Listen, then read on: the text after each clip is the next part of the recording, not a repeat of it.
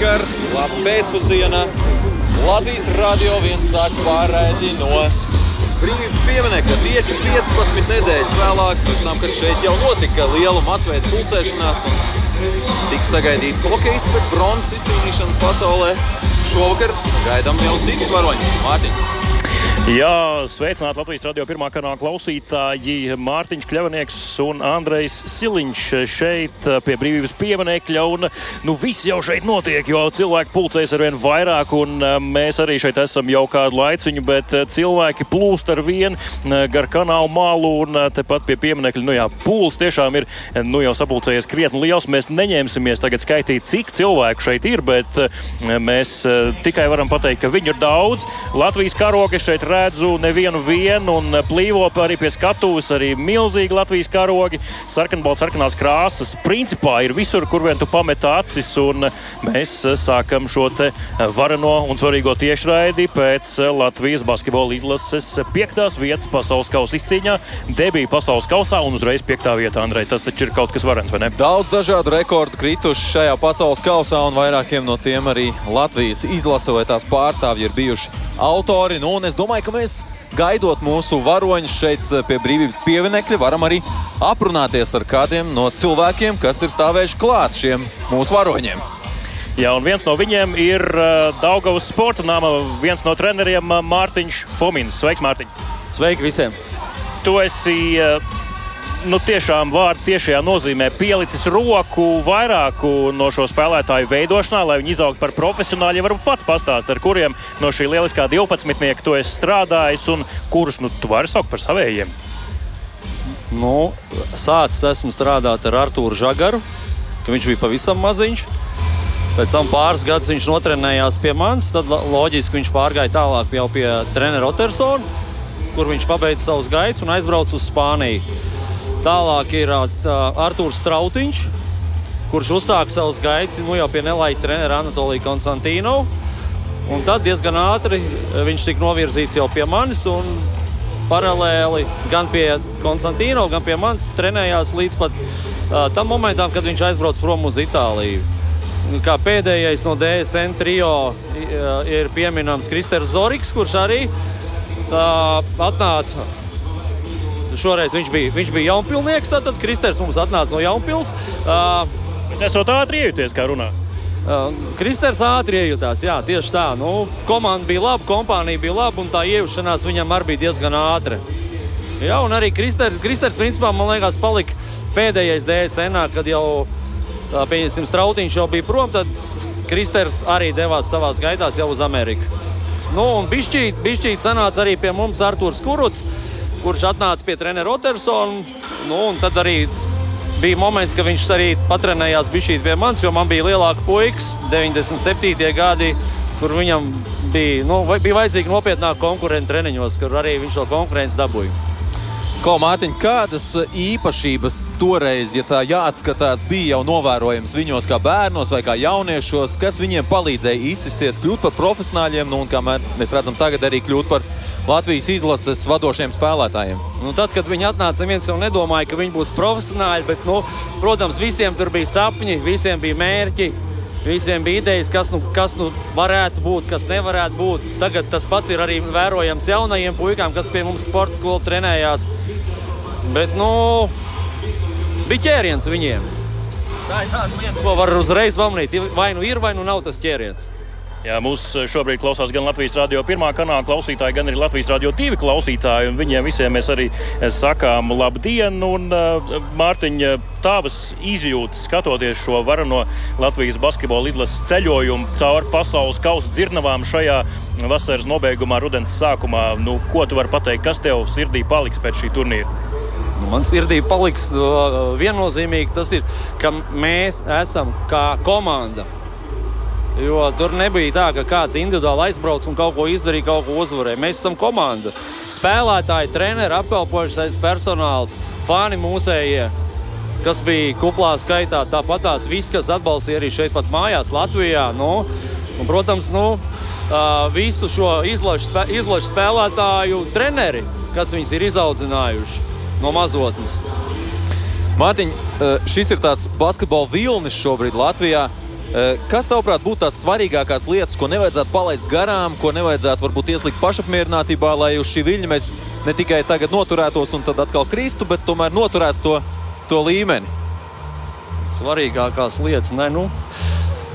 Nu, īstenībā jau tas tāds hype jau bija pēc hokeja. Pieņemsim. Tad droši vien cilvēks skrēja uz hokeju. Tagad, tagad ir hype par basketbolu. Nu, ir vērojams, ka ļoti daudz zvana interesējās par bas iespējām trenēties basketbolā. Nu, basketbols jau ir demokrātisks, lēts sporta veids, līdz ar, līdz ar to ir visiem pieejams. Jā, nu, brīnišķīgi. Un, Mārtiņ, kāda ir tava loma šeit? Es saprotu, ka tev ir arī uzticēti kaut kādi tādi nu, īpašāki pienākumi kopā ar taviem audzēkņiem, sagaidot komandu. Jo komandu mēs joprojām gaidām. Komanda drīz vien šeit ieradīsies, ir ceļā no lidostas Rīga. Es tā vismaz esmu dzirdējis pausu galam, ka viņi ir ceļā kaut kur. Kāds ir tavs uzdevums šeit, papildu tam, ka tu jau šeit esi ar savu esamību un atbalstu puišus viņiem ieraudoties no tālās Manilas? Nu, mans galvenais uzdevums bija atvest uh, pēc iespējas vairāk DSN audzēkņus, kas patreiz trenējās sporta skolā, lai viņi redzētu savus sporta skolas audzēkņus, pārējos mūsu spēlētājus, kas ir viņu elki. Ja, tāds tiešais mūsu pienākums ir, cik es saprotu, izveidot tādu koridoru, koridoru par kuru nāks mūsu spēlētāji iekšā. Cik ir svarīgs tāds nu, piemērs no, no tiem, kas ir visvairāk redzami ekrānos? Lai viņi būtu klāt un lai tie mazie iedvesmotos? Nu, tas ir ļoti svarīgi. Nu, puikām ir jāredz tie savu varoņi, tie savu elki. Kāpēc viņi trenējās, kāpēc viņi jūt viņiem līdzi, tas ir ļoti svarīgi.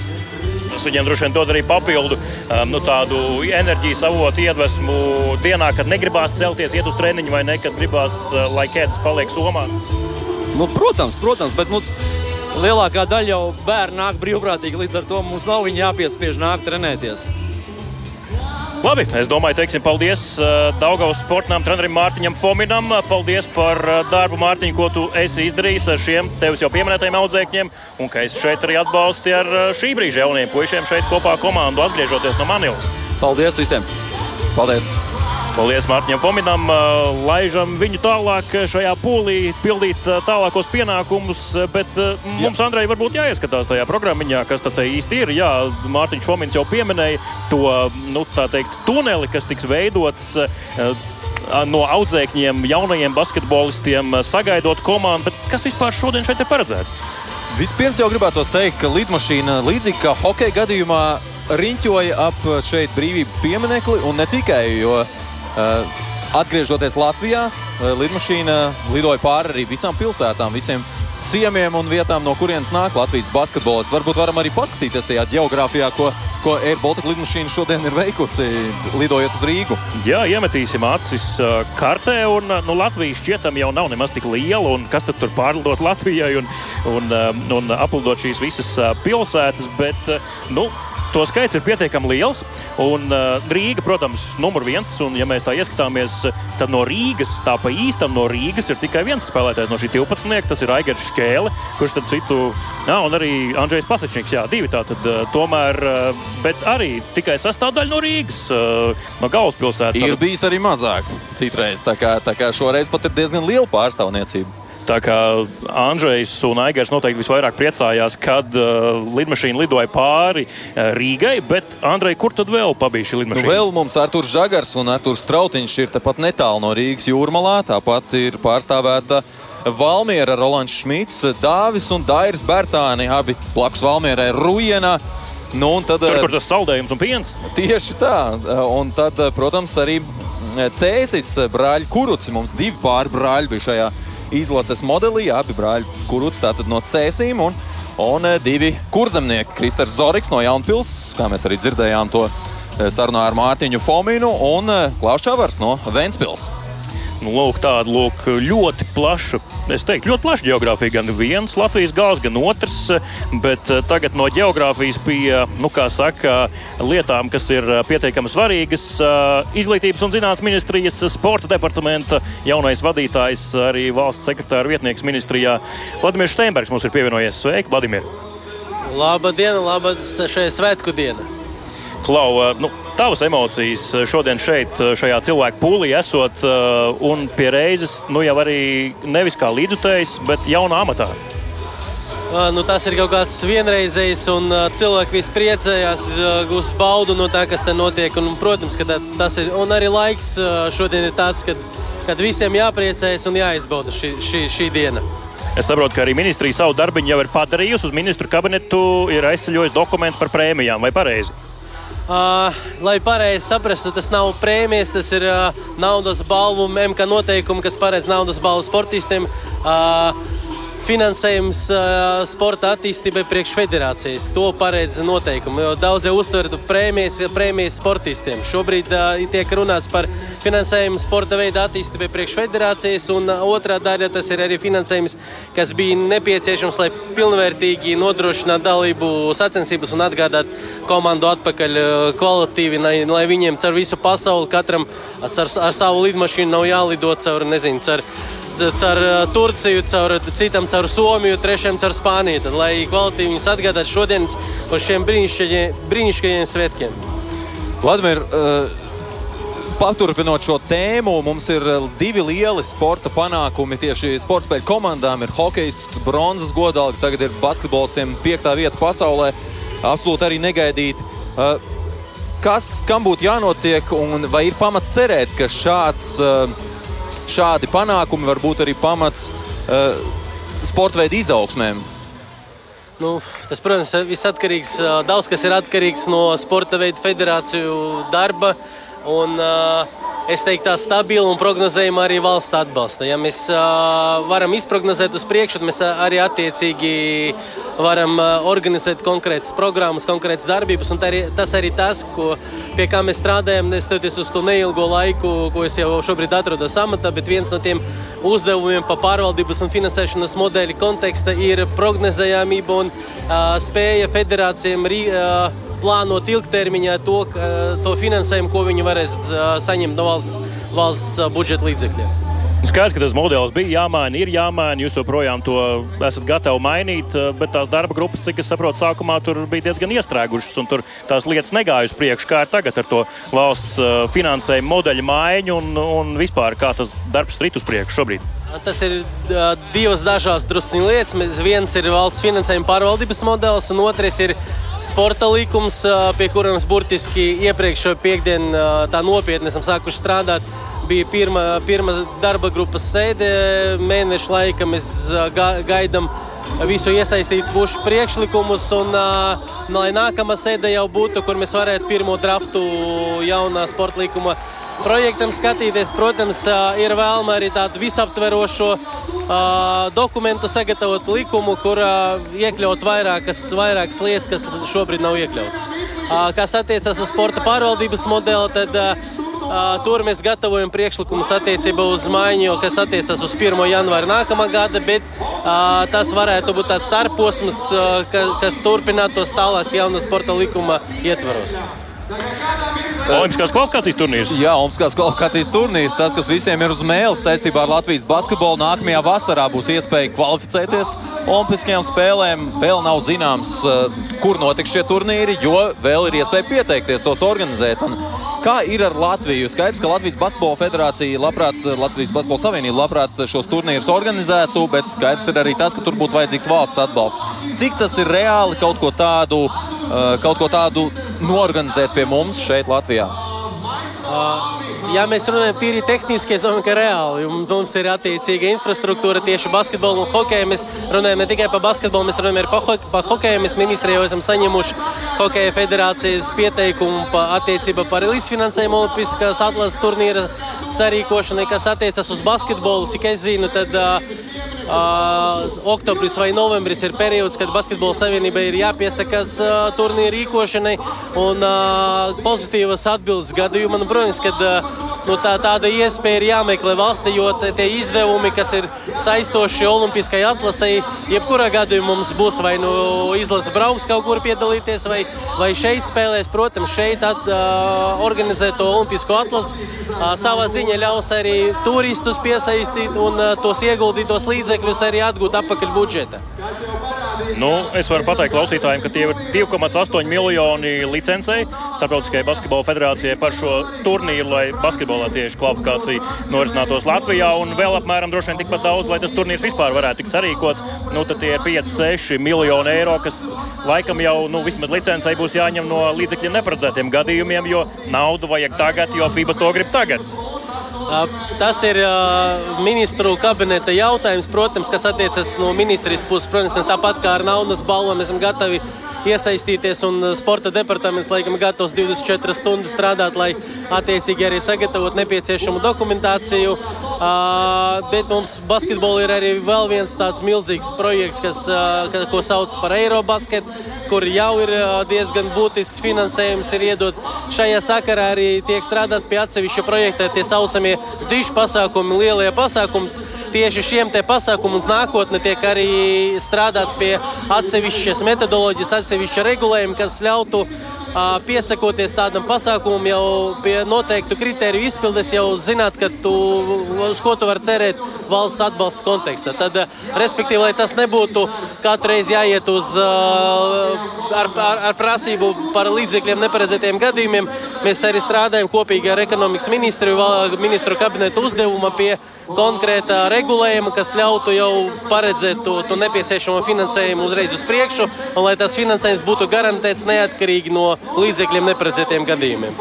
Tās ir labas ziņas. Basketbola savienības. Eh, Basketbola savienība nav slēpusi savu vēlmi izveidot ekscelences centru. Eh, cik tālu šī doma un šī ideja ir aizgājusi pa ministrijas gaiteņiem, un kuras ir tās ausis, kuras būtu jāsadzird visvairāk, lai kaut kas tāds tiktu realizēts? Tur, tur saprāt, man kā cilvēkam, kas nāk no ārpus, kas, kas federā, kas strādājis federācijā, kas, kas zina, kā strādā sporta skola, kas zina, kā strādā olimpiskie centri, nav īpaši jāpārdod šī, šī ideja. Man tas ir skaidrs, ka, kā tas varētu uzlabot. Vienīgais izpildījums, kā mums parasti naudu jau piešķirt nav, nav baiga māksla. Baiga māksla pēc tam to naudu efektīvi izmantot. Arī kopumā bez ekscelences centriem, par ko mēs jau ar Kasparu Ciprasu sākuši diskusijas. Bez tā kopumā mums ir jāstrādā uz to, lai sporta finansējums tiktu izmantots maksimāli efektīvi un kvalitatīvi. Un tas ļautu arī to pievienotu vērtību dabūt, ja ne dubultā, tad ļoti uh, daudz pacelt to pievienotu vērtību un to sporta kvalitāti. Un mēs kopumā pie šī strādājam. Kas attiecas uz ekscelences centriem, Mums šobrīd ir programma, ka tā saucama reģionālie augstas klases sporta centri. Un uz tās programmas bāzes mēs varētu paplašināt un skatīties, kā mēs varam tos ekscelences centrus attīstīt. Jā, jā, jā, Cipras runāja par kaut kādu vienu konkrētu centru Rīgā, tad uh, mēs runājam par konkrētiem sporta veidiem un viņu ekscelences centriem arī tajā skaitā reģionos. Ja mums Ventspils ir svarcelšana, Valmiera ir BMX, tad kāpēc lai Daugopil nevarētu būt cīņas sporta veidu ekscelences centrs? Mēs šobrīd runājam par tādu sistēmisku pieeju, nevis uz basketbola panākumu fona tagad izveidojam basketbola ekscelences centru, bet kopumā valstisku sistēmisku pieeju un vēlreiz efektīvu līdzekļu izmantošanu. Paldies Vladimiram Steinbergam, Izglītības un zinātnes ministrijas sporta departamenta direktora vadītājam.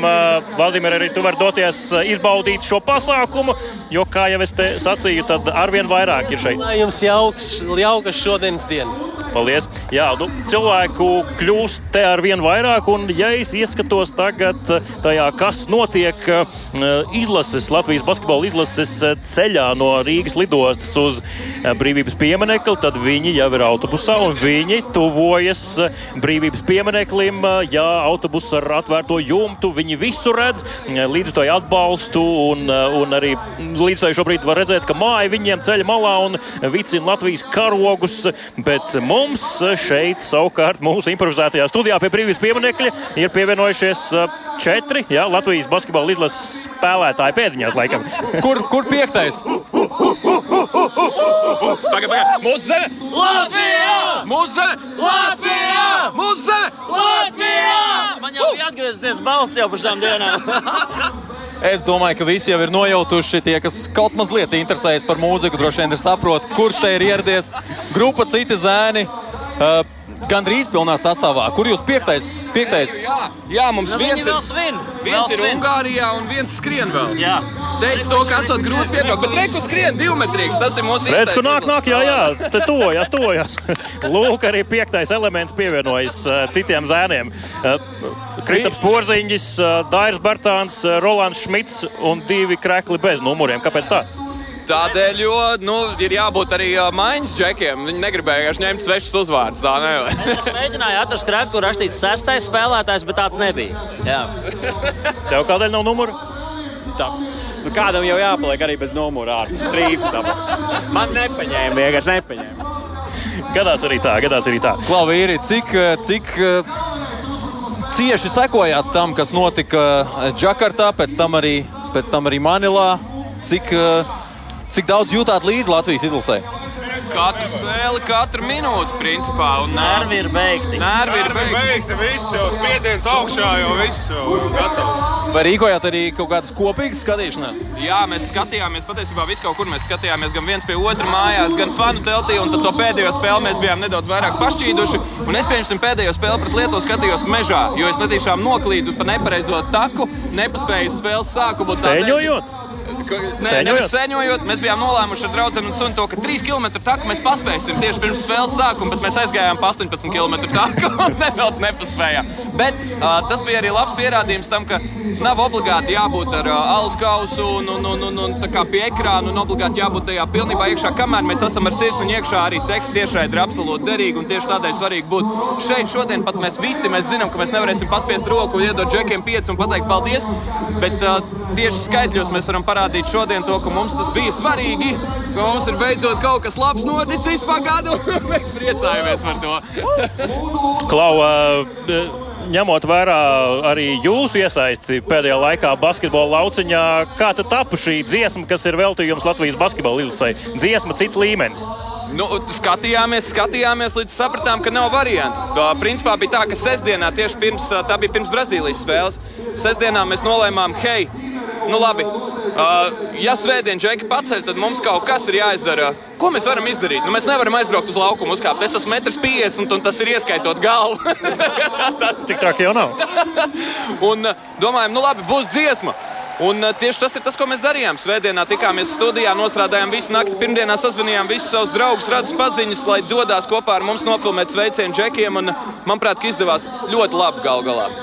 Es dzirdēju, ka tas nav vienīgais veikums, eh, kas ir tapis tavā izpildījumā šorīt eh, Latvijas Rādio 5. Es dzirdēju vēl vienu leģendāru, jau leģendāru droši vien gabalu. Vai Ko es, tas ko es nezinu?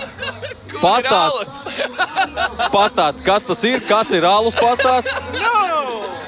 Un vai tas būs pieejams arī single formātā? Nē, vai tā tad uh, Radio 5. Jūs, kolēģi, Radio 5 etros no rītiem mēs taisām tādas izdziesmas. Un šīs izdziesmas pēdējo divu nedēļu garumā ir bijušas par un ap basketbolu ļoti daudz. Ir bijis gan Latvijas, Lietuva dziesma, kur bija to, ka, diemžēl, Braļukai mums nāksies jums uh, iedot pasūtai. Tad mums vēl bija dziesma, to, ka nekas nav padarīts vēl, kas bija Dāvija Bērtāna citāts, citāts pēc Francijas spēles. Un savukārt šorīt, nu, Kaspars Daugoviņš pēc bronzas medaļas spēles nonāca, iegāja ģērbtuvēs un kliedz, kur ir alus? Dāvis Bērtāns izdarīja tieši to pašu, un tādēļ par to bija jārada dziesma. Bet vislabākais bija, es nekad tas bija kuruts brālis, jo tur vairs nevarēja redzēt kamerā, kurš ties no džekiem tas bija. Un tur ir gara, gara saruna par šo, ka kur ir alus. Beigās, nē, nu šis vislabākais proteīna kokteils. Tas bija tas pats bija arī dāvis. dāvis. dāvis tas tas bija tāds super. nu, Klau, jūs, jums grupā ir arī ļoti augumos ražani vīri. porziņš. jā. Viens no viņiem arī šeit, porziņa krāklā. Uh, viens nav ieradies. Arī ļoti sportisks čalis, jo Latvijas čempions diskmešanā šogad, vai ne? Kurš ir labākais basketbolists? Noteikti, ka Dārgājs, bet Dārgājs šobrīd jau ir devies Ungārijā uz tūri. Mēģinā, viņam treniņu nometne Ungārijā. lai gatavotos. nākamgad mēģinās iekļūt izlasē, ja? Tieši tā, cik Dārgājam bija augums? 1,94 m. Jā, bez galvas. Viņš tur viņš eh, cītīgi trenējās, dzerot eh, visus ieteiktos dzērienus, ko iesaka arī Latvijas izlase. Proteīna Jā, labāko. Ja? proteīns, kokteils. jā. Tā teikt, gatavojās nākamajam čempionātam. Gatavojas, bet garākais mums ir Roberts, 2,04. Bet viņš gan, tu basketbolu spēlē? Tu spēlē pats basketbolu? Pastāst. Spēlē, spēlē. Nu, vismaz agrāk, tagad jau zinām, mēs jau tādu pārāk studijā sēžam. Nu, neesam pārāk kustīgi, bet nu, tagad mums džeki ir daudz iedvesmojuši. Vismaz, zin kā, ka, Varbūt nu, groziņš jāpieliek mazais studijā. Jā, mazais. Virs studijā, Mazais. Visi var trāpīt. Tas tieši man, jā. Kungi, kāpēc ir jābūt šeit šādos pasākumos? Jūsuprāt, nu te ir atkal pulcējušies cilvēki, braukuši no malu malām. Kāpēc ir jāplūst šādos pasākumos pie brīvības pieminiekļa? Pirms es atbildēju, kādēļ jābūt, es gribu vienu ļoti mīļu kadriņu, kuru šodien ieraudzīju tieši uz šejienes dodoties. Braucu ar riteni šejieni. Un kāpj ārā no tādas skolas autobusa vesels pāris ar skolniekiem. Un viņiem ir milzīgs plakāts. Mēs no cēsīm par kuruciem. Un man liekas, tik nenormāli jauki to, ka mēs šādi tomēr katrai arī savai pilsētai ir savi spēlētāji un ka mēs varam visi savākties. Un tas arī noved pie tā iemesla, kādēļ šis ir svarīgi. Jo mums tie iespējas satikties patiesībā visiem kopā un par kaut ko lepoties. Nav tik daudz. Man ir 28 gadi, un lielākā daļa no šīm iespējām ir bijušas tieši šogad. Tādēļ es teiktu, ka 23. gads ar vislabākajām zvaigznēm ierakstītajām, un uh, gribētu teikt tādu novēlējumu ļoti netipisku. Lai šis, atskatoties kādreiz tālā nākotnē, liktos kā nu, slikts vēl gads, jo nākamais būs vēl labāks. Ļoti labs novēlējums man šķiet.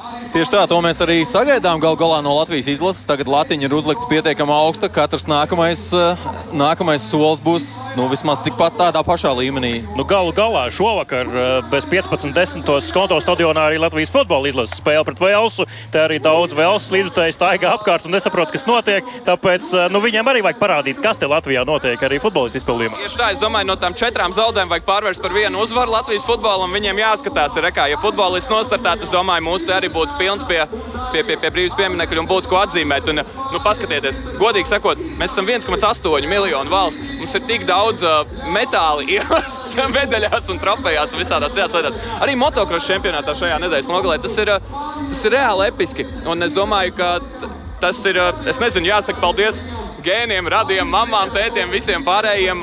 Bet galvenokārt jāsaka paldies vienam otram, jo mēs mākam fanot.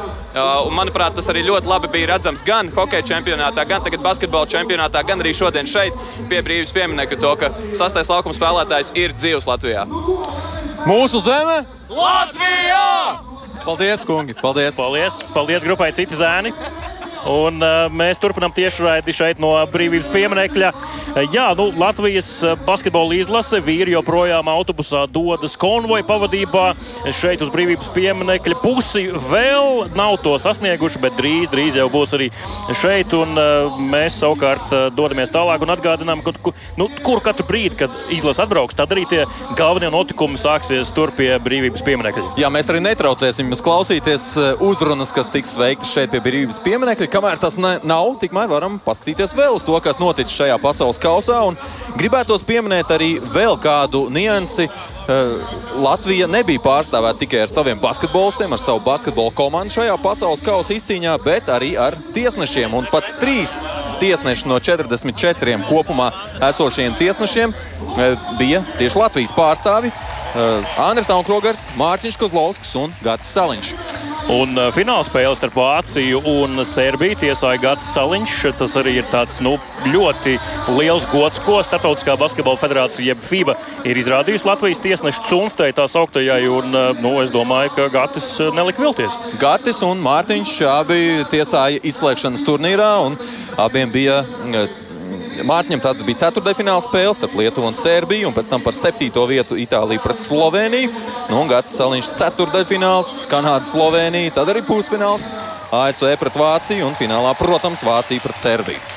Nu, jāsaka, Gatim Saliņam noteikti ir nu, tāda bezbailība sēž iekšā. Tā tu varētu teikt, vai mugurkauls ir stingrs, jo viņš taču vienā no spēlēm aizsūtīja uz ģērbtuvēm pašu Luku Dončiču, bijušo Kristapu Porziņu un Dāvidu Bartānu komandas biedru Nacionālajā basketbola asociācijā Slovenijas izlases līderi. Par runāšanu. Par runāšanu viņam patīk runāt. Izrunāšanos. Lukam, jā, Lukam patīk runāt. Viņš tika brīdināts. Nu, bieži vien pret zvaigznēm tiesnešiem tomēr mēdz būt tādi pietāti. Un, un uh, zvaigznēm tiek atļauts varbūt vairāk nekā uh, tādiem ierīnas spēlētājiem, ja tā viņus drīkst nosaukt. Bet nu, Gatis Saliņš nodemonstrēja tiešām augstu meistarību un, un spēju pret visiem izturēties vienādi. Tā kā arī superzvaigzne tika aizsūtīts, aizsūtīts uz ģērbtuvēm. 5,33 minūtes šobrīd pareizais laiks, un uh, Latvijas basketbola izlase nu jau brauc pāri Vanšu tiltam un tuvojas, tuvojas arī centram, un drīz vien jau arī sasniegs brīvības pieminekli. Bet uh, tad, kad viņi to izdarīs, tad mēs varam arī pastāstīt, kas te ir paredzēts. Proti, simts sporta skolas audzēkņi, dažādi sporta skolu audzēkņi pulcējušies jau ir pie laimes pulksteņa, tepat netālu no brīvības pieminekļa, un viņi darīs to, ko Mārtiņš Fomins mums jau te pārraides sākumā pastāstīs. Veiks 12 varoņus un pārējos komandas dalībniekus ar ierašanos mājās, ar lielisko panākumu, piekto vietu. Un tad arī es saprotu, tādā izveidos tādu kā aleju no jauniem audzēkņiem. Koridoru, jā, pa kuru tad arī komanda nonāks līdz brīvības piemineklim. Nu, pēc tam, protams, arī visas oficiālās uzrunas ir gaidāmas. Gan Latvijas Basketbola Savienības prezidents Raimons Vējonis teiks kādu vārdu. Tāpat arī, protams, nu, pasaules kausa labākajam trenerim Lukam Bankī nevar nedot vārdu. Tas ir pats par sevi saprotams. Arī Dairs Bartāns, Latvijas basketbola izlases kapteinis, mums šo to pastāstīs. Un arī šī turnīra laikam lielākais atklājums - Artūrs Žagars, Latvijas izlases saspēles vadītājs, kurš Andrei beidzot ir ticis pie darba. Tā izskatās. Oficiāli vēl šī informācija nav ap, apstiprināta, bet dodoties nākot uz šejienes, braucot uz šejienes pie brīvības pieminiekļa, parādījās pirmā informācija, ka Arthurs ir vienojies par līgumu ar Stambulas Fenerbahču superklubu Turcijā. Nu, un pirmo sezonu, tātad nākamo sezonu, kas jau tūlīt sāksies, pavadīs Viļņas Vulfs komandā kā izigrāts spēlētājs. Manuprāt, ļoti veiksmīgs karjeras, karjeras gājiens, nākamais solis. Un, jādomā tā, ka nebija jau daudz sliktu iespēju viņam karjeras turpinājumam. Nu, jā, es, kā viņš pats arī Latvijas televīzijas intervijā sacīja, tad beidzot man nebija tā, ka jāņem tas vienīgais variants, kurš uz galda ir nolikts. Tagad es varu izvēlēties, apspriesties ar aģentiem, ar ģimeni un pats gal galā izlemt, kur vislabāk turpināt karjeru. Nu, skaidrs, ka uzreiz varbūt lēkt pašā augstākajā plauktā un tur apsēsties Artūram būtu grūti, ne neiespējami, bet nu, tomēr apdomīgāk visticamāk ir sākt šādā Lietuvas čempionāta ambiciozā komandā, kas spēlē arī Eiropausā, un tad pamazām, pamazām jau kāp pa kāpnītēm uz augšu. Jā, it kā vismaz pēc tās neoficiālās informācijas pastāvot iespēja, ka Stambulas superklubs varot jau paņemt atpakaļ no īres Artūru jau ap janvārī, februārī, ja tas būs vajadzīgs un ja viņi to uzskatīs par nepieciešamu. Tā kā, nu, ja pirms čempionāta Artūram, Artūra sakarā tika pieminēti klubi no Polijas, varbūt pat Latvijā, tad šobrīd jau tie klubi vairs nepiedalās cīņā par šāda kalibra spēlētāju. Nu, vispār tas, ko Arthurs paveic šajā turnīrā, ir abrīnas vērts. Un, nu, skaidrs, ka tu jau arī Andrei kopā ar Māru Bergu rīt basketbola studijās stāstīja, ka nu, mēs visi jau apzinājāmies un zinājām, ka Arthurs uz to ir spējīgs. Bet beidzot ir treneris, kurš viņam notic un kurš to arī, nu, kā saka, atļauj viņam darīt. Un šeit brīvības pieminiekta laukumā skaļi skan Latvija, Latvija, tas nozīmē tikai vienu Latvijas basketbola izlasi ir ieradusies šeit. Divstāvīgs autobus, otrais stāvs bez jumta, tā kā iespēja būt pie, tuvāk pie skatītājiem, pie sanākušajiem līdzjutējiem, visiem mūsu basketbolistiem, mūsu basketbola komandai. Protams, ne jau tikai basketbolisti bija šī panākuma varoņi. Tos jau nosaucām iepriekš. Noteikti varam nosaukt arī, arī galveno treneru Luku Banki. Viņam asistēja Artūrs Visotskis Rubens un Jānis Gailīts. Strādāja šajā vasarā ar izlasi arī brīvprātīgie treneri Gins Fogels, Mārcis Jakovičs, Česlavs Matejkovičs, Žans Pēners, Nulds Švēdi. Pēdējie divi arī bija klātienē un, un palīdzēja komandai darbā uz vietas pasaules kausā. Fizisko, par fizisko sagatavotību trenējās treneris. Gata, Gādāja. Gādāja treneris Oskars Ernsteins. Mārtiņš Pulvers jā, bija medicīnas personāla vadītājs, galvenais ārsts, nu, kuram sagatavošanās posmā bija daudz darba un arī noteikti nu, tāda ļoti delikāta lieta, kā nu, neatklāt kādam plašākam lokam, kas tad īsti ir noticis ar kādu spēlētāju. Tas arī ļoti svarīgi. Fizioterapijas nodaļas vadītājs no Itālijas Massimo Simonetta, fizioterapeits Edvards Vēvers arī bija, tāpat arī Ivars Ikstens, fizioterapeits treneris, masieris Ancis Biedris, tāpat arī menedžers Dāvis Folkmans Eglīts un vīriešu izlases koordinators Emīls Toms. Nu, viņš rūpējās, lai spēlētāji būtu tur, kur jābūt, lai treniņa zāle būtu pieejama, lai autobuss būtu brokastis. Lai visas formas būtu tur, kur tām ir jābūt un ar kādiem uzrakstiem un reklāmām virsū jābūt. Nu, gal galā es domāju, mēs vēlreiz varam nosaukt to 12. Rodions Kuruts, Dāvis Bērtāns, Dairis Bērtāns, Rolands Šmits, Artūrs Strautiņš, Klaus Čavārs, Aigars Šķēle, Andrēs Gražuls, Andrzejs Pasešņiks, Artūrs Kuruts, Artūrs Žagars un Kristers Zorigs bija šie 12 vīri laukumā. Noteikti gribētos pieminēt vēl divus kas turpat laukuma malā un vienmēr treniņos bija kopā ar komandu Kristaps Porziņš un Jānis Strēlnieks, kurš savainojuma dēļ nevarēja piedalīties. Un arī Rihards Lomačs, viņš gan nebija klātienē, bet nu, noteikti ir daļa no šīs komandas. Nu, Viņš tepat mums kaut kur tikko garām pagāja, vai pirms brīža jāsaka tā. Tepat vien kaut kur bija arī viņš ir kopā ar komandu šeit. Uh, Jā, nebija tur varbūt tālajā Džakartā un Manilā, bet ir šeit. Un, kā jau mēs sacījām, komanda ir ieradusies un tagad komanda pa šo mūsu jau nosaukto iepriekš audiāli ieskicēto uh, sporta skolas audzēkņu tuneli arī dodas uz brīvības pieminiekļu skatuvi. Uh, Tur uh, visi ļoti skaisti, eleganti ģērbti.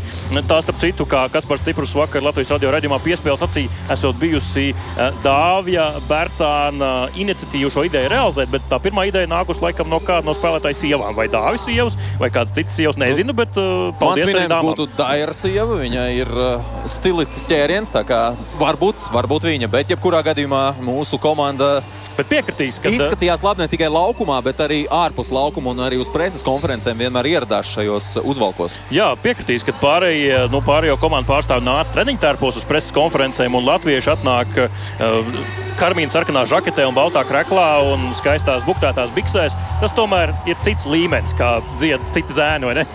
Jā, tieši tā, un tas iedod arī tādu īpašu piegaršu, tādu uh, sajūtu, ka šis ir kaut kas īpašs, uh, un to viņi arī apliecina arī vizuāli. Arī esot, esot, uh, esot preses konferencē un visās oficiālajās vietās, un tur, kur ir jābūt izlases spēlētājiem. Valsts prezidents Edgars Zinkēvičs spiež Dāra Bērtānu roku. Šī, te, šīs te, šī te izveidotā tuneļa, tuneļa galā ir izglītības un zinātnes ministra Anta Čakš no jaunās vienotības. Uh, ir tur visi spēlētāji iet uh, garām šiem abiem, uh, abiem politiķiem un spiež viņu rokas un saņem arī ziedus, starp citu, no līdzutējiem jau pa ceļam. Un Luka Banki arī dod pieci skatītājiem un, un saņem uh, ļoti skaļs gavilis no sanākušajiem līdzutējiem, kur tiešām ir ļoti daudz. Un Luka Banki saņēma Gavils arī noslēdzošajā preses konferencē pēc pēdējās spēles no mēdīju pārstāvjiem. Viņš tiešām prot atbildēt, prot eh, runāt iedvesmojoši ne tikai ar savu komandu, bet arī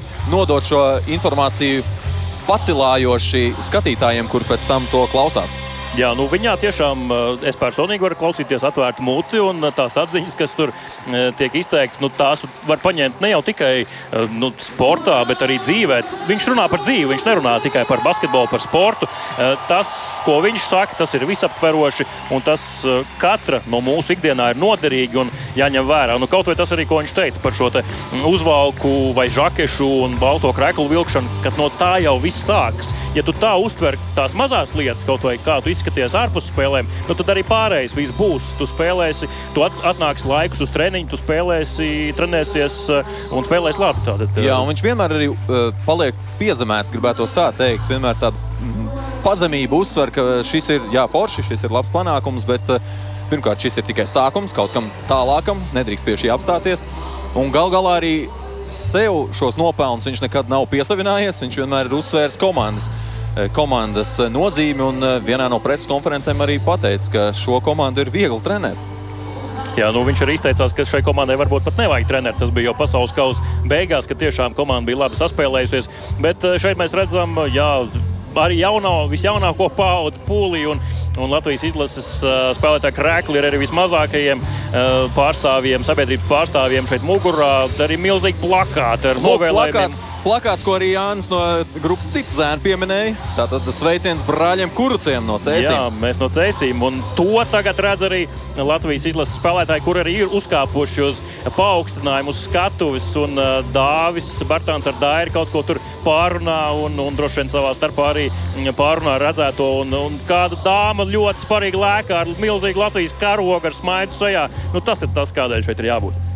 Jā, nu Dārzs droši vien deva pēdējos padomus, ko teikt uzrunā Dairim, jo Dairis arī ir paredzēts kā runātājs pavisam drīz, un tūlīt jau arī sāksies uzrunas. Jā, tūlīt arī būtu jāsaka runa Latvijas Basketbola Savienības prezidentam Raimondam Vējonim. Starp citu, vienīgajam pasaulē basketbola federāciju prezidentam, kurš iepriekš ir bijis valsts prezidents. Jā, tas ir nu, diena unikāls sasniegums vai, vai karjeras gājums. Un, nu, tad arī Raimons bija tur gan Džakartā, gan arī Manilā atbalstīja komandu. Un, nu, tagad gan Latvijas himna.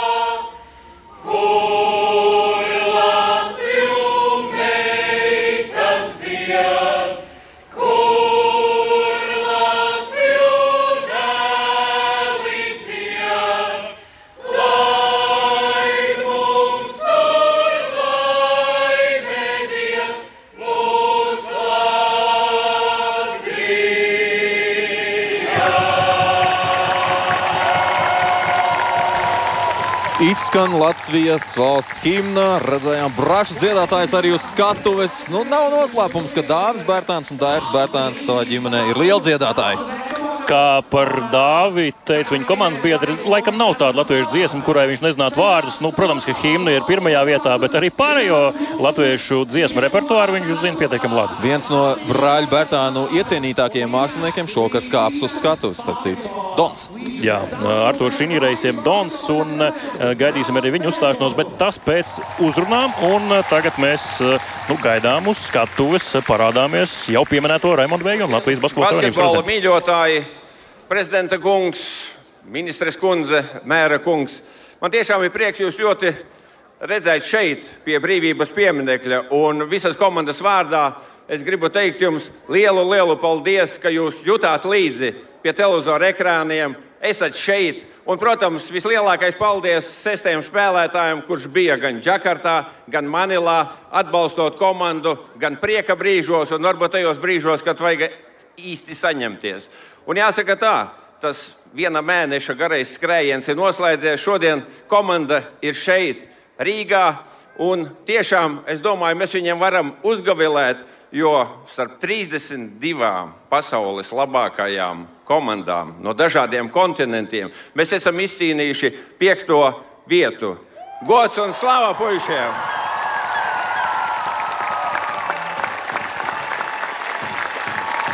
Un ja mums ir tik labs treneris, pasaules kausa labākais treneris Luka Banki.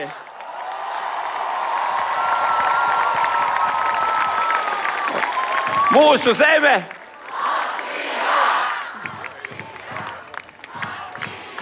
Nu, Raimons Ejons savulaik ir sniedzis dažādu līmeņu uzrunas, arī dziesmu svētkos gal galā.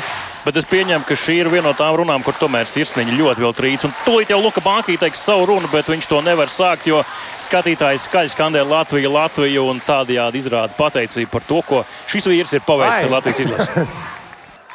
Es teikšu, komandas vārdā, darbie draugi, mēs jūs mīlam.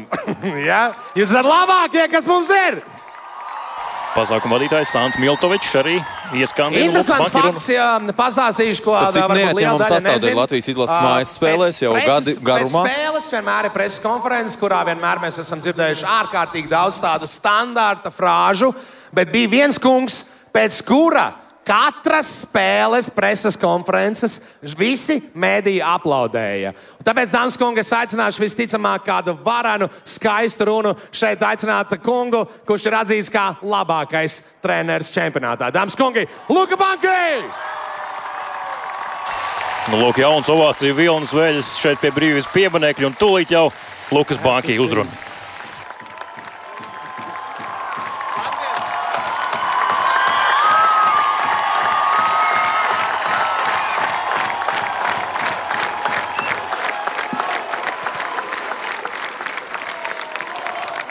Nosso.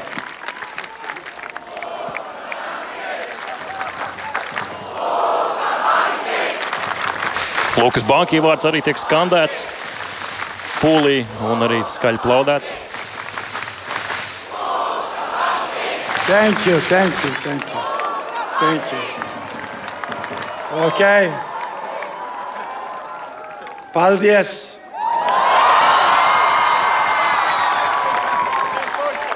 So, so, sorry, sorry, not not being able to use your language. Uh, that's why I have a translation here. Uh, Luka Bankai mēs izrunājām to, ka, viņš, uh, ka es viņu patulkošu. Viņš teica, ok, es runāšu itāliski. I, I know very few words, and actually I forgot.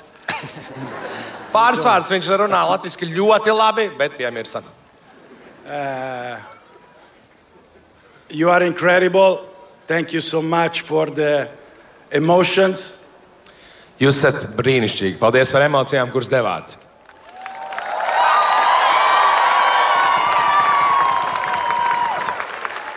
Believe me, despite the distance, your love crossed the ocean. We felt you very close in Asia. Mūsu distance, precizējot, bija nedaudz vairāk kā 10,000 km. Es jau nepaspēju to pateikt, kad Čaļa ieradās, bet uh, patiešām pēc katras spēles Džeki, komanda, jūs jūtat. Paldies! Jums. I, I want to thank you also uh, for your example. Gribu pateikties par jūsu piemēru. Uh, from day one, uh, the people was uh, our inspiration. Jau no pašas pirmās dienas jūs, cilvēki, bijāt mūsu kā komandas iedvesma. And uh, no matter of the result, I really wish that you appreciate uh, the message as a team we sent to represent this country. Un jā, no pašas pirmās dienas, darbie draugi, mēs visi ticam un zinām, ka jūs novērtēsiet to ziņojumu, kuru komanda ir devusi.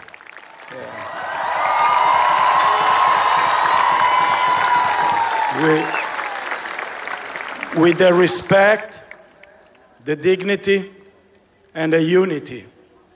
Mēs visi kopā varam uh, tikai būt, uh, kā saka, šeit vienoti un respektēt vienotību. We never give up. Mēs nekad nepadodamies! I, I, I'm sorry. I'm sorry not to be here to celebrate the medal that probably this guy deserved. Un mums ir nedaudz žēl, ka neizdevās atrast medaļas, ko šie puiši, vai viņi jums, jūsuprāt, ir pelnījuši medaļas?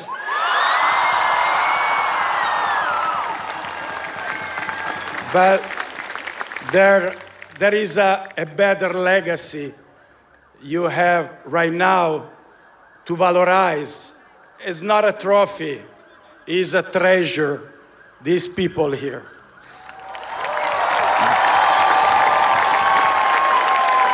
Būsim precīzi, dāmas un kungi. Dārgums mūsu vispriekšā!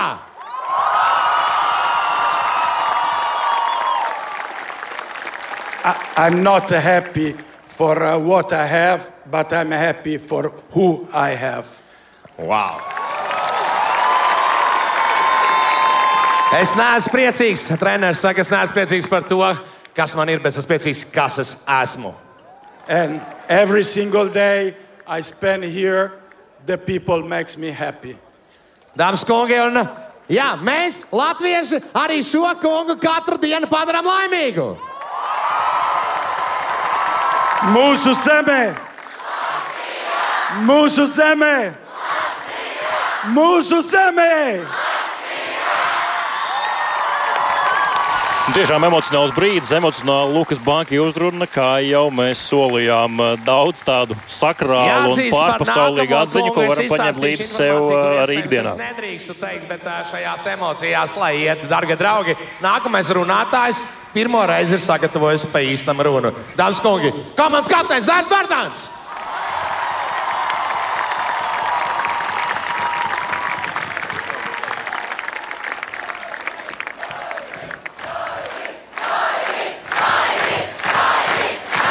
Arī pirms kapteiņa uzrunas polis sauc Dairi Dairi. Dairis pārmet skatu polim un tūlīt jau arī sacīs savu runu. Man šķiet, ka Dairis ir vairāk satraucies nekā par pirms jebkura metiena. Tā vismaz izskatās. Nu, šīs viņam ir pirmreizēja. Tāda poļu priekšā viņš vēl runu nav teicis. Es tiešām nezinu, kā lai tagad parunā.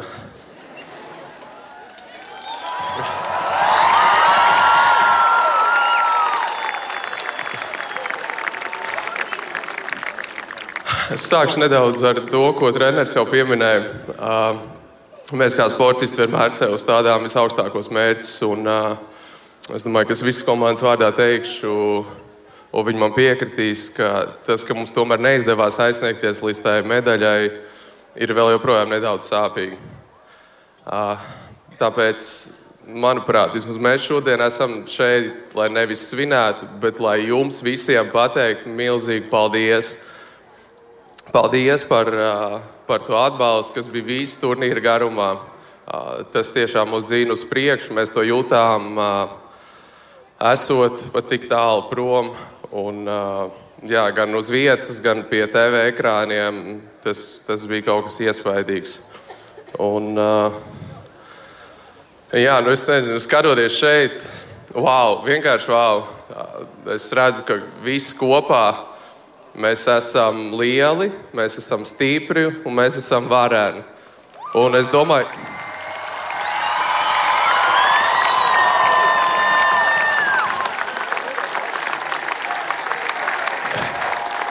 Un es domāju, ka tā ziņa, pēdējā ziņa, kas bija arēnā pēc pēdējās spēles, ko es apsolīju, es domāju, ka Digitēta to izpildīja pa simts un vairāk procentiem. Katrs no viņiem, kas gāja laukumā, atstāja sviedrus, atstāja savu sirdi un dvēseli par Latviju. Paldies! Arī Daira un Dāvija māma Dina Bērtāna šeit pašā poļu priekšgalā. Nu, pats ir rokas, kuriem arī ir asariņi. Jā, šajā turnīrā, kā jau es teicu, ir um, notika daudz tiešām brīnišķīgu lietu. Un tad pēd, pienāca pēdējā spēle, un viens mūsu čalis izdomāja vienkārši nu tā, parādīšu, kur vējš ziemo, un atdeva 17 rezultātus piespēles. Viņš, viņš uzstādīja rekordu, kurš netika līdz šim sasniegts kopš 1994. gadā. Dāmas un kungi, Čālis, kurš burtiski kā dimants iemirdzējās šī turnīra laikā un brīnišķīgi jau arī pirms turnīra visu atlases posmu. Dāmas un kungi, skaļiem aplausiem! Artur Žagars!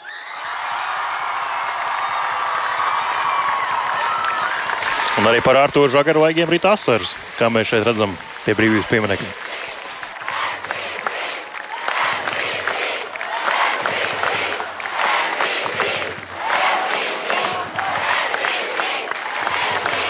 Nu, Pūlis kliedz MVP, jeb vērtīgākais spēlētājs. Droši vien ļoti pelnīts par viņa sniegumu šajā pasaules kausā. Sveiciens arī starptautiskajai basketbola federācijai. Uh, man lidmašīnā teica, man būs jāsaka pāris vārdi, lai es sagatavoju runu. Un, uh, es pilnīgi godīgi pateikšu, man likās, ka viņi jokojās. Tāpēc uh, runa man īsti nav sagatavota, bet es mēģināšu no sirds kaut ko pateikt. Lai gan grūti šobrīd ir, jo tikko, piemēram, nācu šeit un redzēju mazu puiku asarās, un man uzreiz arī skrien asaras. Un pirmais, ko es vēlos pateikt, tā iemesla dēļ arī mēs visi komandu spēlējam. Tie esat jūs, un tā ir šī valsts, un pasties, ko mēs esam izdarījuši. Cik daudz cilvēku vēlreiz vienas vasaras laikā spēja sapulcēties pie brīvības pieminiekta. Vienkārši paldies jums par to!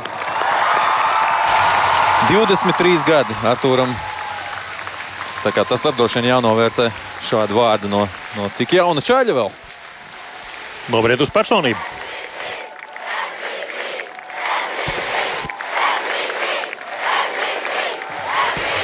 Jā, nu Pūlis turpina skandēt MVP, MVP, jeb vērtīgākais spēlētājs Artūrs. Dziļdomīgi skatās. Pūlī šobrīd pakas arī pakausi. Domā, ko teikt tālāk. Paldies vēlreiz! um, es laikam nedaudz atkārtošos, varbūt arī ko Dairis teica, kad, uh, protams, varbūt nedaudz tā sajūta bija, tīpaši lidmašīnā vēl, kad bācis mēs jums medaļas īsti neatvedām. Varbūt nedaudz iezagās tāda doma galvā, kad varbūt nesam mēs ar, negribu teikt pelnījuši, bet uh, negaidījām, ka kaut kas šāds būs. Un, uh, Vienkārši tiešām ļoti emocionāli un tiešām nav ko teikt. Es bieži vien intervijās teicu, ka es neaptveru, kas notiek pagaidām. Vēl, man liekas, ka es lēnā garā sāku saprast. Tā kā paldies jums!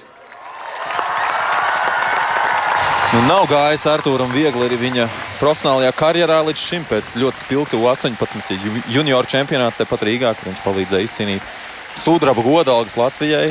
Nu, turpinājums bija diezgan savainojumiem bagāts un arī pie iespējām ne, neizdevās tik, tik daudz, cik būtu pašam Parādzēm vēlējies. Parīzē mēs parādīsim, ne? Bet nu, tagad izskatās, ka visi ceļi ir vaļā.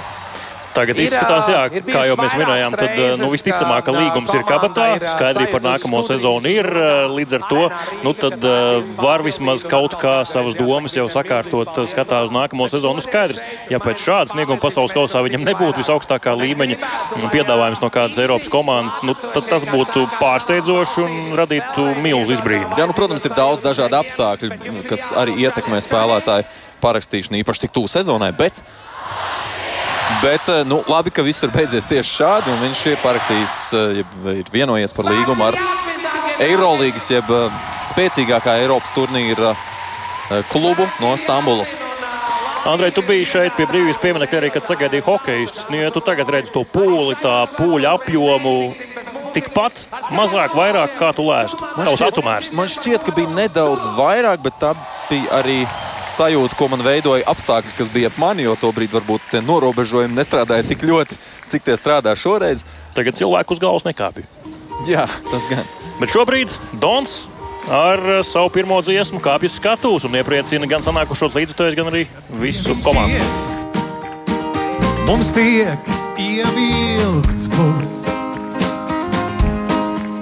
Parūdziem iet, viss kļūst ļoti klus. Rims ļaunīs iet, un rims pikti apļauj. Bet slīpie raugs, tiem mūs nepārspļauj. Bet dieviņš iet un aug skaists mums dārsts. Un meita aug, dziļš ir vakars vārds. Un čiekurs krīt, tā arī mūžībā. Tik smuki tā, tā, tā, tā, tā. Man troksnis nepatīk, es neizvēlos to, jo troksnim patīk, ja tam nervi uzdanco. Nav mūsu ģimenē neviens, kas kliedz un ķērts, neviens, kas kliedz un oh, oh, oh, oh, oh, oh, oh, oh. Bet rudzi zied, jo kā gan nezied. Ja dieviņš lēs, smukumu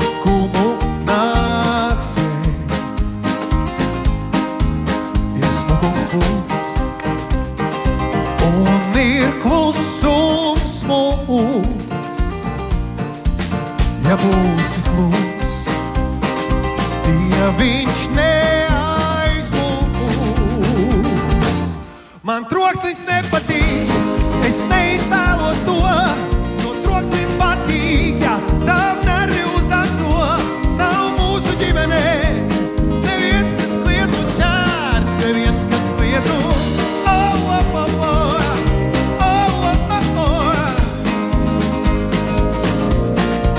Loksnis nepat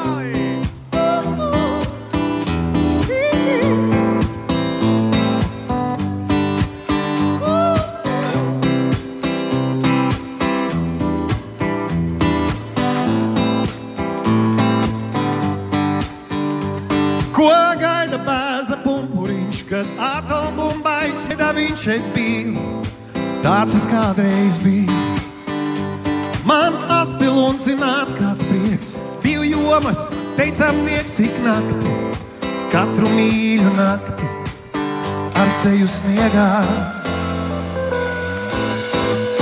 Ar seju sniegā. Kurš nemāk vārtus nosargāt uz pārklubu tiek aizgādāts tāds likums, tāds ir mūžīgs likums.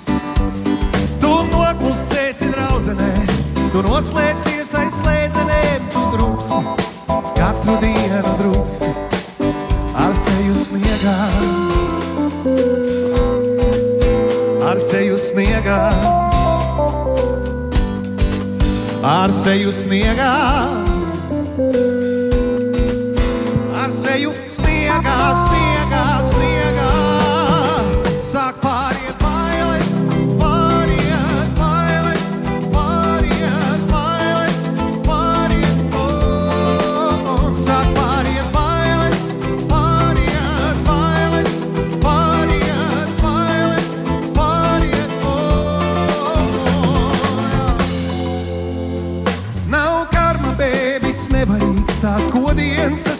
nežēlīgs plus inda, nāvējoša inda.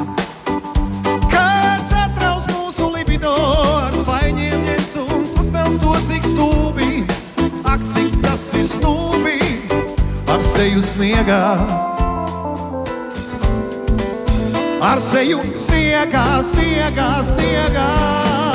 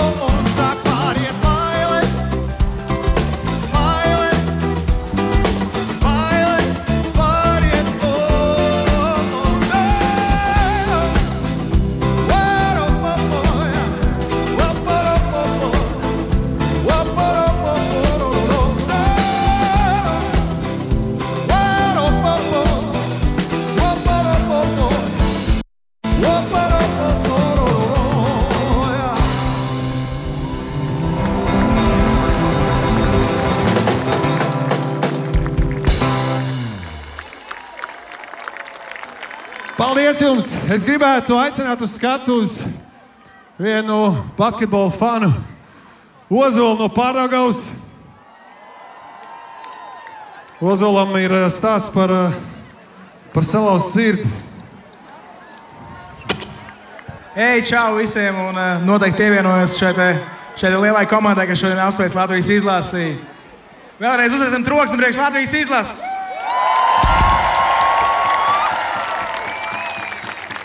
Viņš ir salauzts sirds, ir, bet neko.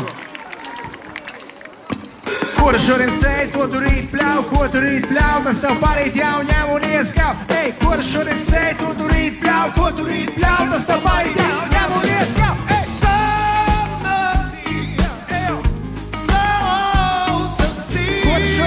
Ko tu rīt pļauj, ko tu rīt pļauj, tas tev parīt jau ņem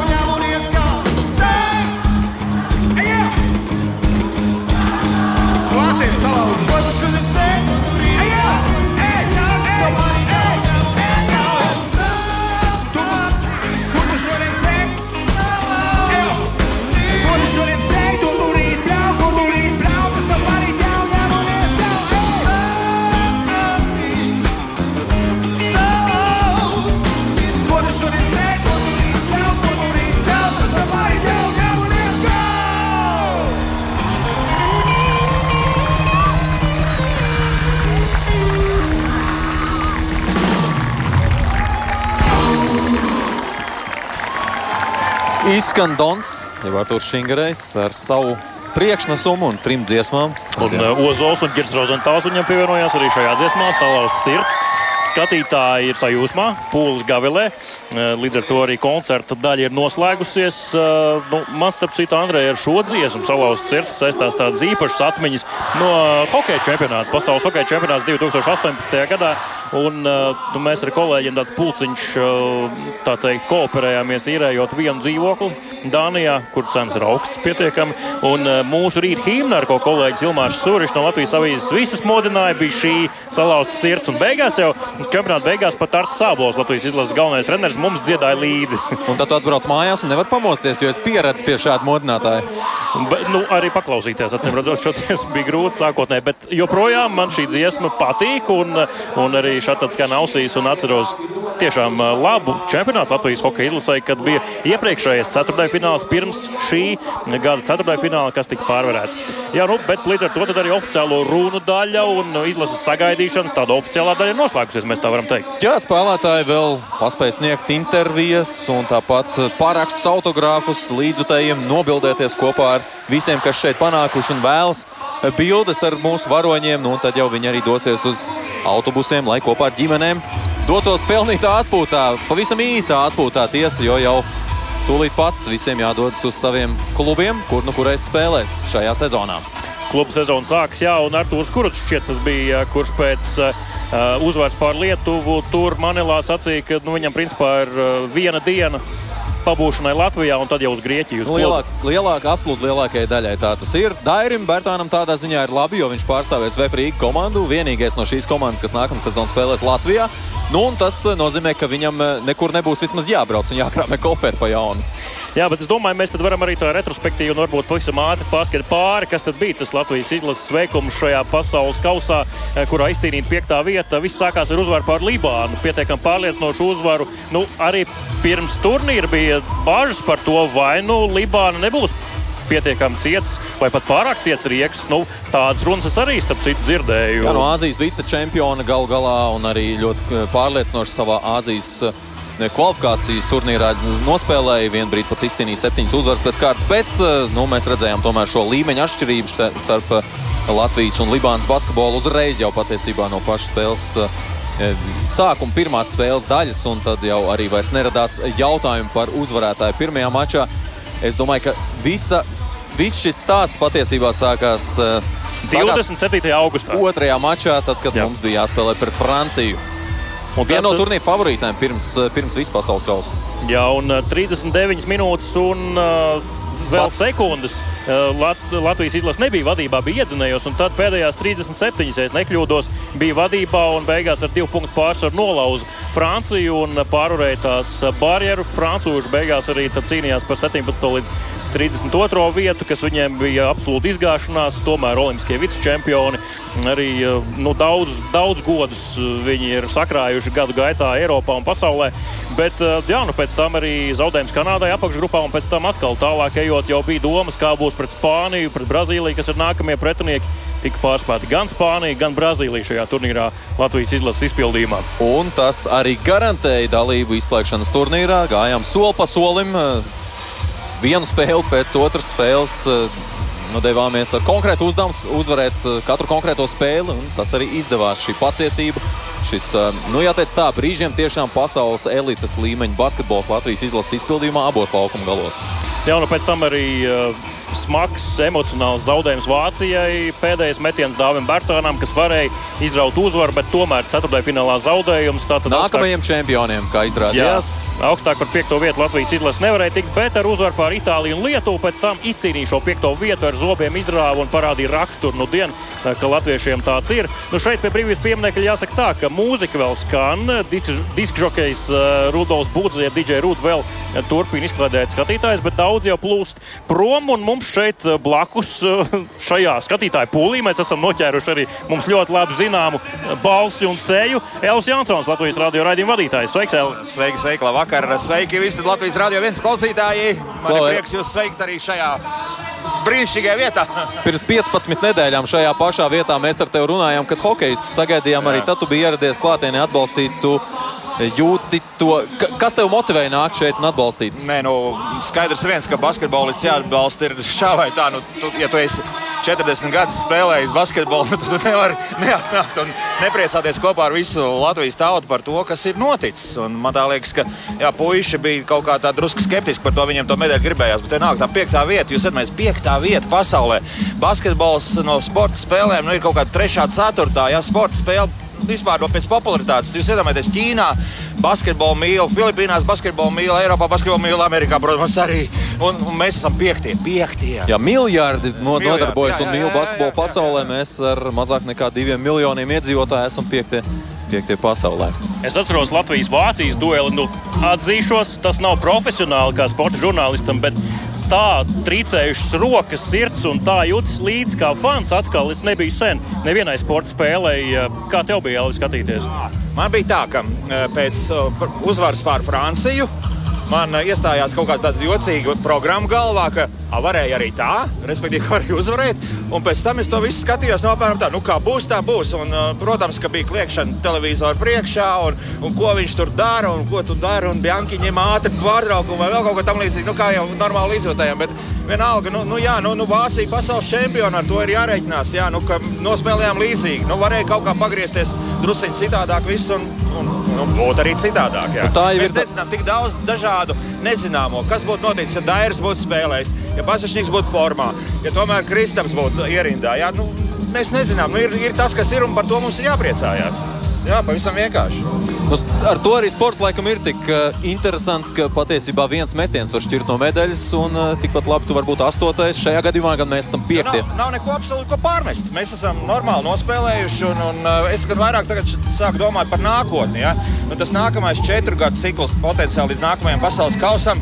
Nu, ir jācīnās par to, jā, un atkal jānokļūst skaidrs Eiropā, jo mums tāpat ir garantēta. Kas būs pēc tam? Jo to Luka Banki teica tajā pēdējā preses konferencē. Jā, tagad mums ir jāizpleš tas basketbols. Es domāju, ka vispār kopumā jārunā gan par hokeistiem, gan par basketbolistiem. Nu, ir, ir kaut kādas lūzumas. Es esmu basketbola treneriem runājis, ka jaunie basketbolisti iet trenēties tikai tāpēc, nu, ka tas ir interesanti. Mums ir jāpanāk kaut kāds atkal tas uh, grūdienis, lai puikas ietu spēlēt basketbolu ar domu, ka nu, varbūt ka es līdz 30 gadiem to miljonu varu nopelnīt. Un sāk spēlēt Latvijas izlasē galu galā. Spēlēt Latvijas izlasē, jā, jo skaidrs viens, ka es ceru, ka tā konkurence būs arvien lielāka un lielāka. Jā, nu, jādomā par nākotni, tagad jāskatās uz priekšu un uh, skaidrs, ka mūsu zeme Latvija un turamies. Un domājot par to nākotni, kā tev kā līdzjutējam tagad uh, mainās cerības, gaidas no tā, ko tu sagaidi es, no izlases? Es joprojām ļoti piesardzīgs. Es skatīšos, tagad nos, pirmkārt noskaidrosim, kāda ir Olimpiskā atlase. Jā. Daudz nezināmo, kur tas notiks, vai pie mums tas ir dārgi, būtu jau labi. Tālāk apskaties, jau Arturam Žagaram jau, jau bija parādījusies informācija, nu, ka Fenerbahčē iespējams spēlēs atkal Eirolīgi. Jā, zinām, kādas ir attiecības FIBA ar Eirolīgi. Vienmēr sakot, atkal daudz nezināmo. Nu, redzēsim, nu, skatīsimies. Nu, skaidrs viens, ka džekiem ir pārliecība, un ja izdodas kaut kāds piecas labs spēlētājs novākt uz, uz kaut kādu atlases, jā, nu, tad ir jācīnās. Nu. Viss ir iespējams. Viss, ir iespējams. Jā, jāskatās, kāda mēs tagad rangā esam. Jā, jo tagad būs Arī tas ir jāsagaida, jā, pavisam drīz. Nu, vienmēr sakot, daudz nezināmā, bet nu, atkal jātur kaut kā īkšķi vai vēl, ka viss beigsies labi. Nu, es neesmu īpaši vecs, bet es atceros Elvi, kā basketbola komentētāju televīzijā. Viņa balsi skanām eh, basketbola spēļu laikā. Tu esi komentējis daudz spēļu. Ar ko šī komanda tomēr atšķiras no citām Latvijas izlasēm, no citiem varbūt Latvijas eh, spēlētāju raksturiem, kas pulcēti bija līdz šim Latvijas valsts vienībā? Ei, labs jautājums. Jā. Nu, man tā liekas, ka šeit atkal jārunā par Luku Banki. Man, Viņš ir tā burbuļsakta. Acīm redzot, jā, jo te arī kaut kur diskusijās es lasīju, un tā laikam ir taisnība, ka viņš spēja uzticēties spēlētājiem, kuriem potenciāls ir iekšā. Atšķirībā no, no mūsu pašu treneriem, kur dažreiz rāva nost no laukuma mūsu spēlētājs, tad, kad viņiem negāja. Un šeit laikam ir tā lielākā atšķirība, ka viņš ir devis to pārliecību, ka es to trūli iemetīšu un ka nu, cauri iziešu. Un, nu, citādi es to nespēju izskaidrot. Jā, man šķiet, ka viņš arī ienāca bez iepriekšējiem stereotipiem, kas ir iespējams kādiem latviešu Jā. treneriem. Viņš paskatījās uz visu kā no balts lapas. Viņš ievāca informāciju pilnīgi no jauna, bez kaut kādas iepriekšējas vēstures. Un šajā reizē tas ir nos, nospēlējis par uh, labu. Es gribētu arī teikt, ka šajā desmitgadē ir pilnīgi mainījusies arī paša sportista attieksme. Ja Atceramies to saucamo tusētāju paudzi, ja, un tas tie visi stāsti, un ka uh, nu, pievelk tūplānā daži labi spēlētāji. Un, es tā vienkārši, nu labi, to, tas ēterā netika teikts, bet es Madaram Bergmanim, ar ko mēs kopā jā, komentējām, es, saku, es rādu, reku te, viņam policists uzšāva ar steku. Ja. Nu, nu, nu, tā ir bijis. Nu, tā, tā, To jūs varat grāmatā izlasīt, jūs zināt, par kuru spēlētāju ir runa. Jā, jā nu, tā ir reāla vēsture. Nu, ir kaut kas mainījies. Viņam ir pilnīgi cita attieksme pret darbu un pret visu pārējo. Arī nu, kā pret attieksmi izlasē. Gan starp citu, šeit es LBS lauciņā drusku gribētu mest tos akmentītus, tos mis- mistiskos stāstus par to, ka Džeki Hamburgi ir apēduši un vēl tur kaut ko pārkāpuši. Nu, labi, tie ir jauni cilvēki un viņi patiesībā zina, ko dara. Jā. Nu, viņiem ir jā, apziņa, ka nu, pat kaut kāda maza vaļība atļauties varbūt šādi var, bet viņiem ir pēc tam darba diena nākamā, kur ir jāparāda līmenis treniņā un pēc tam, protams, arī spēlē. Bet nu, jūs kā basketbola cilvēki, es no basketbola esmu drusku tālāk. Nu, resursi jau bija tie paši, gan pasaules kausa kvalifikācijā pirms četriem gadiem, kad tas pēdējais metiens Melnkalnē, gan arī tagad pirms Eiropas čempionāta uh, 21. gadā, kad Bulgāru zemniekiem zaudējām. Kas tad ir mainījies? Resursi jau principā tāds pats. Pirmkārt, ir mainījies, kas uh, drusku vecāki palikuši. Uh, arī Arthurs ir Žagors, ir palicis drusku vecāks. Es domāju, ka viņš savu mūžu vairs neizmetīs to trīspunktnieku, ko viņš izdarīja pirmajā Bulgārijas spēlē, kas bija Bulgārijā. Ja, kur nu, nevajadzīga tri, tri, situācija 30 sekundes līdz beigām, plus 6, ja nemaldos. Ja, Mūsējiem nu, visi notur to bumbu un nu, būs uzvara. Un Arthurs brīvs stāv, un viņš uzmet to trīspunktnieku. Pēc tam ļoti slikti uzmet. Tā ir tā pieredzes cena. Tā ir, tā ir pieredze cena daudzajā ziņā. Un, un, un, jā, un, nu, nu, ir drusku labāks. Protams, pienāca Dairis klāt. Atvainojiet, Dāvis un Dairis arī jāklāt. Plus vēl tam visam Rolands Šmits ir klāt. Jā, Toreiz-. Nu, tas, tas ir diezgan būtiski. Toreiz- Tie ir atslēgas spēlētāji. 2017. gadā, kad mēs izcīnījām piekto vietu Eiropas čempionātā un ceturtajā finālā zaudējām nākamajiem čempioniem atkal Slovenijai.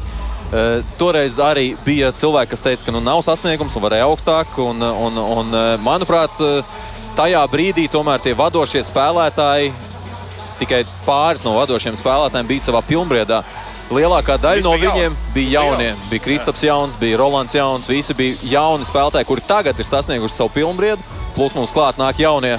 Super talantīgie džeki, kas ir izcīnījuši godalgas savos jauniešu čempionātos. Un, un tā, tā kombinācija, kas, kas šobrīd Nē, ir nu, arī novedusi spriedām pie rezultātu. iespējams, ne, ja nebūtu tie zaudējumi Bulgāru zemniekiem, es nezinu, kas būtu bijis. Labi, ja būtu aizbraukuši uz Eiropas čempionātu, bet vai būtu pasaules kausa, atkal labs jautājums. Ja?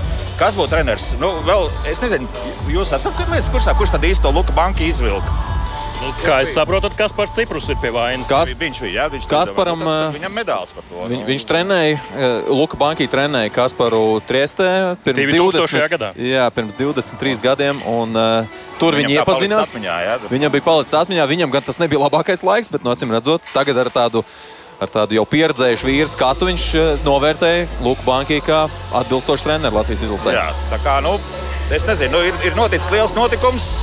Tas ir atkal ierakstīts vēstures annālēs. Jā, turpinam. turpinam.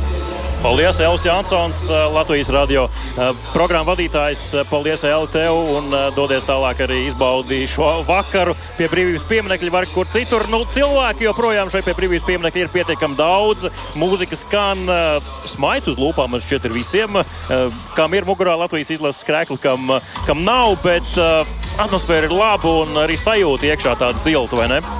Tieši tā, un es domāju, ka visi šie cilvēki mēģinās tikt pie biļetēm uz nākamajām Latvijas izlases spēlēm, kad tās būs. Nu, nākamā Nu, visi tuvākā. viņi tur netiks iekšā arēnā. Visi Rīgā. absolūti netiks arēnā Rīgā. Un, iespējams, jādomā par kādu kopīgu skatīšanos pilsētā arī, arī šādās parastajās spēlēs. Jo tās nākamās cīņas tiešām varētu savā ziņā nodēvēt arī par parastām spēlēm, lai gan tās būs oficiālas, proti, Eiropas čempionāta kvalifikācijā. Bet tā kā mēs esam Eiropas čempionāta organizētāji, tad mums vieta šajā turnīrā 2025. gadā jau ir garantēta. un Līdz ar to kvalifikācijas turnīrā būs jāizvada spēles, kas vairāk varbūt kalpos kā tādi pārbaudas mači. Bet tas jau nenozīmē, ka to var viegli prātīgi uztvert tagad, un eh, nu, tā būs tāda, nu, tāda liderīga attieksme vai, vai nenoskaņošanās. Ne pavisam nē. Nu, Luka Banki to nepieļaus. To nepieļaus Luka, un eh, ņemot vērā, ka arī mums grupā ir ielozēta Spānija, un, ko mēs uzveicām, arī Spāņiem būs ļoti principiāli mums mēģināt eh, atdarīt par šo zaudējumu. Tagad kvalifikācijas turnīrā. Nu, februārī pirmās divas eh, kvalifikācijas spēles mums grupā tātad bez Spānijas arī Slovākija un Beļģija. Pirmais mačs ir izbraukumā Spānijā 22. februārī un trīs dienas vēlāk, 25. februārī, šeit mājās arēnā Rīga spēlēsim pret Slovākiju. Jā, bet uh, no Andreja varbūt paskatīsimies pārraidai, tuvojoties beigām. Kas tad ir bijuši tie nu, tādi lielākie sasniegumi Latvijas basketbolā līdz šim? Es domāju, ka neviens no tiem, kuri šeit ir šodien pulcējušies pie brīvības pieminiekļa, neatceras 1935. gadu sapņu komandu un triumfu pirmajā, pašā pirmajā Eiropas čempionātā. Varbūt, ka es kļūdos un būšu ļoti priecīgs, ja tā, bet uh, tas ir tas, ar ko vispār laikam sākas tāda Latvijas basketbola vēsture. Nu, tieši tā, jo ta, tas jau arī bija laiks, kad vispār basketbols kā tāds sākās vai pamazām sākās eh, vecajā kontinentā. Un, eh, protams, Latvija mēdz izmantot šādas iespējas, eh, kā pirmie tik pie godalgām pirmajos čempionātos, pirmajās olimpiskajās spēlēs, kur tiek iekļauti konkrēti attiecīgie sporta veidi. Nu, un, eh, Latvija izmanto šo iespēju 1935. gadā, bet nākamais lielai, lielākais sasniegums vīru basketbolā, manuprāt, bija jau pēc neatkarības atgūšanas, kad bija va- vajadzīgs ilgāks laiks, bet 2001. gada Eiropas čempionāts mēs pirmo reizi tikām ceturdaļfinālā. Jā, un es domāju, to uzvaru par Lietuvu, kas tika gūta tajā čempionātā, to gan atceras daudz, kur šodien bija sanākuši pie Starp citu, rezultātu starpības ziņā kaut kas līdzīgs tam, līdzīgi, jā. kā mēs šoreiz uzvarējām Lietuvu. Un vakar, starp citu, arī raidījumā piespēle Latvijas radio pirmajā kanālā sarunājami. Mans kolēģis ā, Mārs Bergs un es sarunājāmies telefoniski ar Raimonu Miglnieku, tā laika Latvijas izlases nomināli pirmo saspēles vadītāju neapšaubām. Starp citu, arī Latvijas izlases piespēļu rekordistu līdz Žagara 17 piespēļu spēlē. Jā, un viņš starp citu stāstīja, ka tāda deja vu sajūta viņam bija skatoties Lietuvas spēli, Latvijas-Lietuvas spēli pasaules kausā tagad, pirms dažām dienām, un atceroties 2001. gada notikumus Eiropas čempionātā. Viņš teica, es arī spēlēju pick and roll ar, ar Kasparu Kambalu, un mums tur tas arī gāja cauri. Man bija daudz piespēļu, arī starpība bija līdzīga. Jā, nu, var vilkt daudz paralēļu. Un tad 16 gadi bija vajadzīgi, lai mēs atkal iekļūtu ceturtajā finālā. 2017. gada Eiropas čempionāts Stambulā mēs spēlējām ceturtajā finālā pret Sloveniju. Episka cīņa, nodēvēta vēlāk par finālu pirms fināla. Diemžēl mums nācās zaudēt nākamajiem Eiropas čempioniem un samierināties ar piekto vietu. Jā, Luka Dončičs uh, toreiz iemet to trako, trako metienu ar acīm pret vairogu. Un, uh, nu, tas, laikam, ir tas, kas daudziem palika spilgt atmiņā. Un cik es esmu runājis arī ar tā laika Latvijas basketbola izlases galveno treneru Rainer Bagātski. Arī viņam tomēr vēl nu, ir rūkstoši saglabājies sirdī. Jā, krēmt, krēmt, viņš jau labi atceras. Starp citu, ja parunāsiet kādreiz ar Aināru, es domāju, ja sastopat viņu Rīgā vai citur, kur Latvijā uz ielas droši vaicājiet, viņš ir atvērts sarunai vienmēr. Šobrīd gan Rumānijā pilda savus pienākumus trenēja klubu, bet par šo spēli viņš jums niansēt varētu izstāstīt sekundi pa sekundei, kāda bija tiesneša svilpa, kā viņš nesaņēma tehnisko piezīmi, kā Dončičs iemet, kā Slovēņi tēloja, prasīja piezīmes nu, un vispārējo. Nu, un saruna ar Rainu Bagāts, arī var klausīties nesen uh, raidījumā piespēle, un arī podkāstos var uh, dzirdēt šo sarunu pilnā apmērā. Jā, bet uh, nu, nākamais notikums nu, - Olimpiskais zelts pirms diviem gadiem Tokijā. 2021. gadā Tokijas vasaras Olimpiskajās spēlēs 3 pret 3 basketbolā. Jāpiebilst, nevis klasiskajā 5 pret 5, bet arī atkal tas pats stāsts, ko mēs jau minējām par pirmo Eiropas čempionātu. Jauns uh, Olimpiskajā vismaz uh, apritē sporta veids, un latvieši ielec un izcīna zeltu. Nu, jā, tieši tā, un tur mums bija jauni varoņi, jauni uzvaras metieni un arī, arī pēc tam svinīgās sagaidīšanas lidostā un, un brauciens uz centru, starp citu, arī ar atvērto jumtu autobusiem. Tikai lietus līdzi, diemžēl. tieši tā. Bet jāteic tā, ka dāmas patiesībā mūs ir lutinājušas ar izslēgšanas turnīriem biežāk, un augstākais sasniegums dāmu izlasē ir 2007. gadā izcīnītā ceturtā vieta kam sekoja Pekinas Olimpisko spēļu dalība. Un, tā arī ir pagaidām vienīgā komanda kopš neatkarības atgūšanas, kas ir cīnījusies Olimpiskajās spēlēs. Un dāmas arī rāda tādu priekšzīmi, ir tāda laba bāka tumsā Latvijas vīru basketbola izlasē, jo tu jau minēji Olimpiskās spēles 2008. gadā. Pēc uh, desmit gadiem arī pasaules kausa debija dāmām. Dāmas parādīja to ceļu, ka lūk, var iekļūt pasaules kausā ar sastāvu vietu Eiropas čempionātā un arī labi tur nospēlēt. Nu, tur arī gan komandā kaut kādas iekšējās nesaskaņas bija, bet tas, lai paliek vēsturē, bet tomēr dāmas bija pirmās, un tad vīri vienmēr sako. Tā laikam arī sabiedrībā bieži vien notiek dāmas, mūsu vīrus iekustina, un tad mēs ņemam to labo piemēru un izpildām arī kādus lielus darbus. Kur gan mēs būtu bez mūsu dāmām? Paldies arī viņām. Bet, uh, kur gan mēs būtu bez uh, Latvijas uh, radio um, tehniskajiem darbiniekiem? Sakām paldies arī Jānim Finkiem, Fūsam par šīs tiešraides nodrošināšanu no brīvības pieminekļa. Un es Mārtiņš Kļavnieks, mans kolēģis Andrejs Siliņš. Sakām jums paldies, ka klausījāties gan Latvijas radio pirmajā, gan otrajā kanālā. Un, jā, šeit, kā jau minējām, pie brīvības pieminiekļa joprojām dēļas, uh, sarunas, un uh, komanda laikam gan ir devusies prom. Komanda nu pat, nu pat sēdās autobusos un devās prom uz mājām atpūsties, un, kā jau minējām, tad doties katrs savās darba gaitās tālāk. Jā, mēs sakām jums paldies par klausīšanos. Dariet to arī ikdienā. Klausieties Latvijas radio visus pieejamos kanālus. Satura mums ir daudz, un arī šādas tiešraides aleža nodrošinām no sabiedrībai svarīgiem pasākumiem. Esiet kopā ar mums. Paldies, ka bijāt arī šoreiz, un tiekamies atkal kādā uh, pasākumā, kas notiks pie brīvības pieminiekļa pēc kādas lielas uzvaras vai sasnieguma sportā. Un tajā brīdī, kad jūs neklausāties Latvijas radio, tiekamies basketbolā. Visu labu! Atā.